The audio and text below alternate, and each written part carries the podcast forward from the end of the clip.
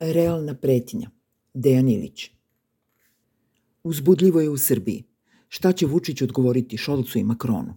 Šolc i Makron, čitalac zna, pisali su Vučiću i od njega tražili da donese teške odluke. Odluke se tiču odnosa između Kosova i Srbije. Garant stabilnosti, kako se na Vučića donedavno gledalo iz Evropske unije, postao na Balkanu pretnja po mir. Šolc i Makron Dosetili su se da pretnju otklone tako što će, da se tako izrazim, od glavnog palikuće u regionu tražiti da gasi požar. Ne izgleda previše smisleno, ali nije nezanimljivo da se posmatra. Šolc sad već ima bogate dosije razgovora i dopisivanja s Vučićem. Proletos je zajedno s koleginicama iz vlade na čijem je čelu, ministarkom odbrane Kristin Lambrecht i ministarkom spoljnih poslova Anelenom Berbok od Vučića tražio da Srbija uvede sankcije Rusiji. Istu stvar od Vučića je tada tražilo i troje članova Američkog senata.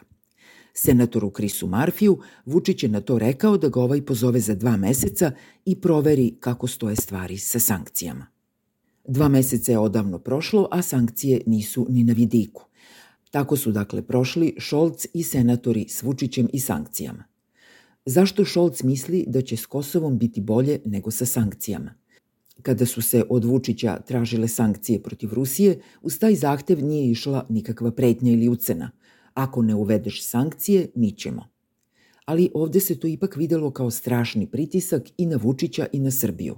Na isti način gleda se i na pismo o Kosovu. Ono se takođe vidi kao veliki pritisak na Vučića.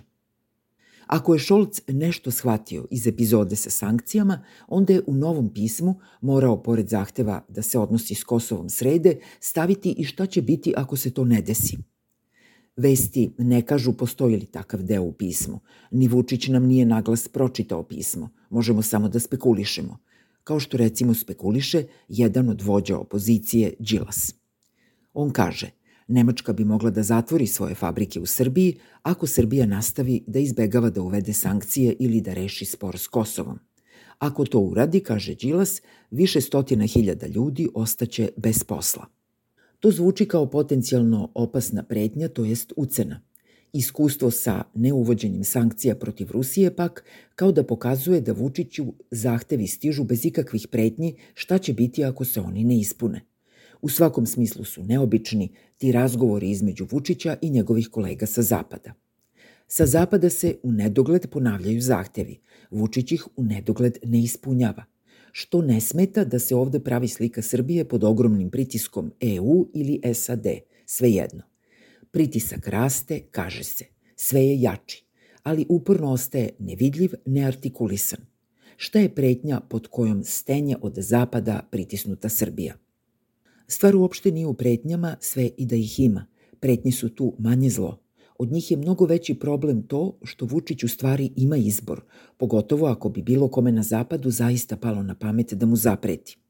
Putin ga čeka raširenih ruku da ga primi u zagrljaj kada otpadne od zapada. Ne bi Vučić bio jedini u tom zagrljaju s Putinom. Videli smo kako taj zagrljaj izgleda kada je u Putinovo naručje pao Aleksandar Lukašenko. Lukašenko je morao da na strani Moskve uđe u rat protiv Ukrajine. Lukašenko nije jedini. Ovih dana, po drugi put u nekoliko meseci, posetio je Moskvu vođa hunte u Mjanmaru Min Aung Hlaing.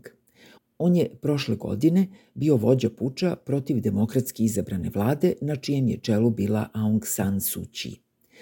Ove godine, od kako je Rusija napala Ukrajinu, Hlaing na svaki način hoće da zacementira svoju saradnju s Moskvom – Mjanmar se guši u pobunama, a Hlaing, jedini način da se zadrži na vlasti, vidi u što čvršćem stisku s Putinom.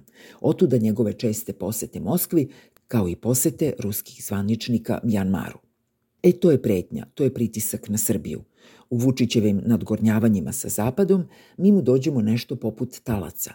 Moglo bi nam se dogoditi da zanoćimo u Srbiji, a probudimo se u Mjanmaru ili Belorusiji ako je nekome to draže i za to nam svakako ne bi bio kriv Zapad.